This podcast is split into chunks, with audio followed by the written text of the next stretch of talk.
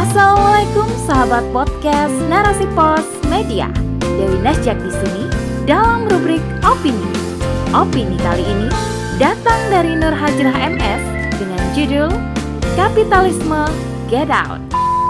Solusi yang diberikan sistem kapitalisme untuk membantu atau menyejahterakan rakyat hanyalah sebatas solusi semu yang tidak dapat menyelesaikan masalah sampai tuntas, bahkan menimbulkan masalah baru. Selengkapnya, tetap di podcast Narasi Pos Media. Narasi Pos, cerdas dalam literasi media, bijak menangkap peristiwa kunci.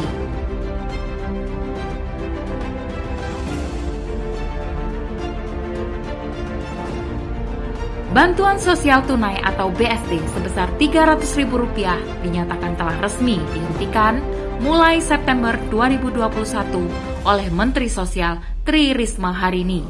Sebelumnya, bansos ini diberikan kepada masyarakat yang terdampak wabah COVID-19 dan tercatat ada 10 juta kepala keluarga yang menerima bantuan tersebut. Rencana awal Kemensos, pemberian BST hanya selama 4 bulan yaitu mulai Januari hingga April 2021.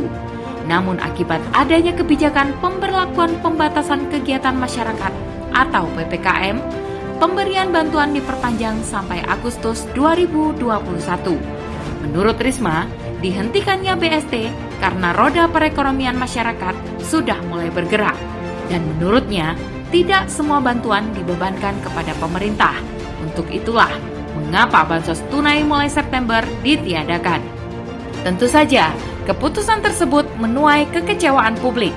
Dilansir dari cnnindonesia.com, berdasarkan dari hasil survei yang diadakan oleh CNN Indonesia yang meminta tanggapan kepada masyarakat tentang keputusan pemerintah menghentikan bansos tunai.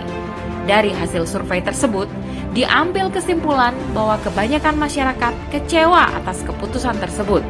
Pasalnya, Walau perekonomian masyarakat Indonesia mulai bergerak, tetapi kebanyakan masyarakat masih bergantung pada bantuan tersebut untuk memenuhi kebutuhan mereka sehari-hari.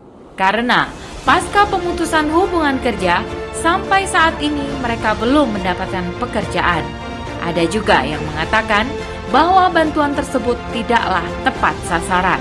Kebijakan aparat berujung kekecewaan masyarakat Masyarakat sudah terlalu sering dibuat kecewa atas kebijakan-kebijakan yang dikeluarkan pemerintah.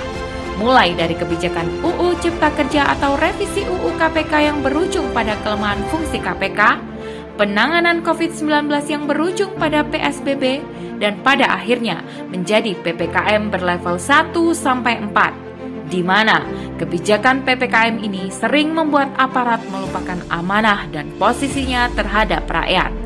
Tidak sedikit masyarakat dibuat menangis sebagai pengemis yang meminta-minta untuk diberi belas kasihan. Belum lagi aktivitas impor yang sering dilakukan pemerintah yang berujung persaingan jual beli antara produk dalam negeri dan luar negeri. Kembali, anak negeri dibuat menangis kecewa karena hasil produk dalam negeri, baik itu dalam bidang teknologi, pertanian, perkebunan, dan lain sebagainya harus dijual murah. Sehingga wajar jika di tengah pandemi saat ini masyarakat sangat membutuhkan peran pemerintah untuk membantu perekonomian setiap keluarga, terutama bagi keluarga yang kurang mampu. Namun sayangnya, di era rezim saat ini begitu sulit menemukan pemimpin yang betul-betul amanah menjalankan tugasnya, yang serius bekerja untuk kepentingan umat. Sistem kapitalisme telah jauh meracuni kepemimpinan di negeri ini, di mana pembangunan ekonomi serta infrastruktur yang termasuk dalam mega proyek jauh lebih penting dikerjakan dibandingkan mengurus keluhan masyarakat. Padahal, bisa saja dana mega proyek MRT dan pembangunan ibu kota negara yang baru di Kalimantan untuk sementara ditunda, sehingga dananya bisa secara optimal digunakan untuk mengatasi dampak pandemi di negeri ini, terutama bagi masyarakat yang terdampak pandemi COVID-19. Menjamin kebutuhan sarana dan prasarana di bidang kesehatan, serta menjamin kebutuhan para tim medis yang saat ini menjadi garda terdepan dalam penanganan wabah COVID-19. Miris, bagaimana mungkin memberi bantuan kepada rakyat, tetapi memiliki batas waktu yang sifatnya sementara, seolah-olah memberi bantuan kepada rakyat dianggap beban pemerintah. Sebagaimana yang dikatakan Menteri Sosial Tri Risma hari ini, bahwa tidak semua bantuan harus dibebankan kepada pemerintah.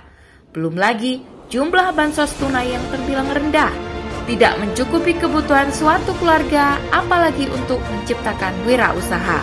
Ironisnya, dana bansos pun menjadi incaran yang menggiurkan bagi aparat yang lupa amanat. Dan pada akhirnya berujung pada tindakan korupsi.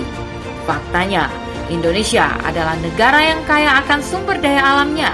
Bahkan, Indonesia terkenal memiliki potensi tambang nikel terbesar di dunia. Indonesia juga masuk dalam kategori negara maritim terbesar di dunia yang menandakan bahwa Indonesia juga kaya akan hasil lautnya. Namun sayangnya, semua kekayaan yang dimiliki Ibu Pertiwi ini tidak mampu memenuhi kebutuhan dan menyejahterakan anak negeri. Pasalnya, sebagian besar pertambangan di negeri ini dikelola oleh para penganut paham kapitalis yang berusaha menguasai SDA agar bisa menjadi kepemilikan pribadi. Mengeruk habis kekayaan alam tanpa memikirkan dampaknya bagi lingkungan juga bagi masyarakat. Karena pada dasarnya, sistem kapitalisme berlandaskan asas manfaat. Itulah Mengapa pemerintah begitu mudahnya mengeluarkan perizinan bagi mereka untuk membuka lahan serta melakukan aktivitas pertambangan karena pada dasarnya sudah ada perjanjian yang berasaskan manfaat. Katanya kerjasama untuk kepentingan rakyat, tetapi tetap saja malah rakyat yang menjadi korbannya. Solusi yang diberikan sistem kapitalisme untuk membantu atau menyejahterakan rakyat hanyalah sebatas solusi semu yang tidak dapat menyelesaikan masalah sampai tuntas, bahkan menimbulkan masalah baru. Sistem Islam tawarkan solusi. Islam bukan hanya sekedar agama spiritual saja, tetapi Islam adalah agama yang sempurna dalam mengatur setiap aspek kehidupan, termasuk dalam urusan pemerintahan dan memilih pemimpin. Pemerintahan Islam atau khilafah adalah sistem pemerintahan yang berlandaskan pada akidah Islam di mana setiap aspek kehidupan harus berjalan sesuai syariat Islam. Pemimpin atau khalifah harus memastikan kondisi rakyatnya sebagaimana di masa pemerintahan Umar bin Khattab. Dikisahkan, pada masa pemerintahan Khalifah Umar bin Khattab, pernah terjadi bencana kelaparan sehingga menyebabkan terjadinya wabah penyakit dan kematian. Melihat rakyatnya yang kelaparan, Khalifah Umar bersumpah bahwa tidak akan makan daging dan minyak samin. Karena menurut Khalifah Umar, bagaimana ia bisa mementingkan rakyat jika ia sendiri tidak merasakan penderitaan rakyatnya? Umar bin Khattab juga pernah mengatakan bahwa jika negara makmur, maka Khalifah Umar yang terakhir akan menikmatinya dan di saat negara dalam kesusahan, maka beliau yang pertama kali akan merasakannya. Masih banyak kisah para khalifah yang begitu peduli mengurus rakyatnya. Mereka rela miskin dan kelaparan asal rakyatnya hidup sejahtera. Para khalifah tidak bisa tidur nyenyak jika tahu ada rakyatnya yang kelaparan. Berbanding terbalik dengan kepemimpinan saat ini, justru jabatan yang mereka miliki membuat mereka semakin kaya, sedangkan rakyatnya hidup dalam kemiskinan. Mereka dapat tidur dengan lelap di saat tahu bahwa rakyatnya kelaparan.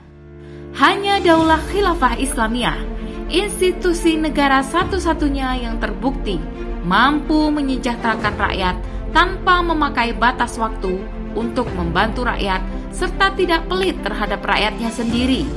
Dilansir dari tabloid media umat edisi 272, ada prinsip dan paradigma ekonomi yang akan diterapkan khilafah untuk menghentikan krisis ekonomi dan memberikan jaminan kesejahteraan bagi rakyat. Di antaranya, pertama, khilafah akan menerapkan politik ekonomi Islam untuk memenuhi setiap kebutuhan pokok rakyatnya serta membantu mereka dalam memenuhi kebutuhan sekunder dan tersier mereka, yang tentu saja itu harus berdasarkan syariah Islam.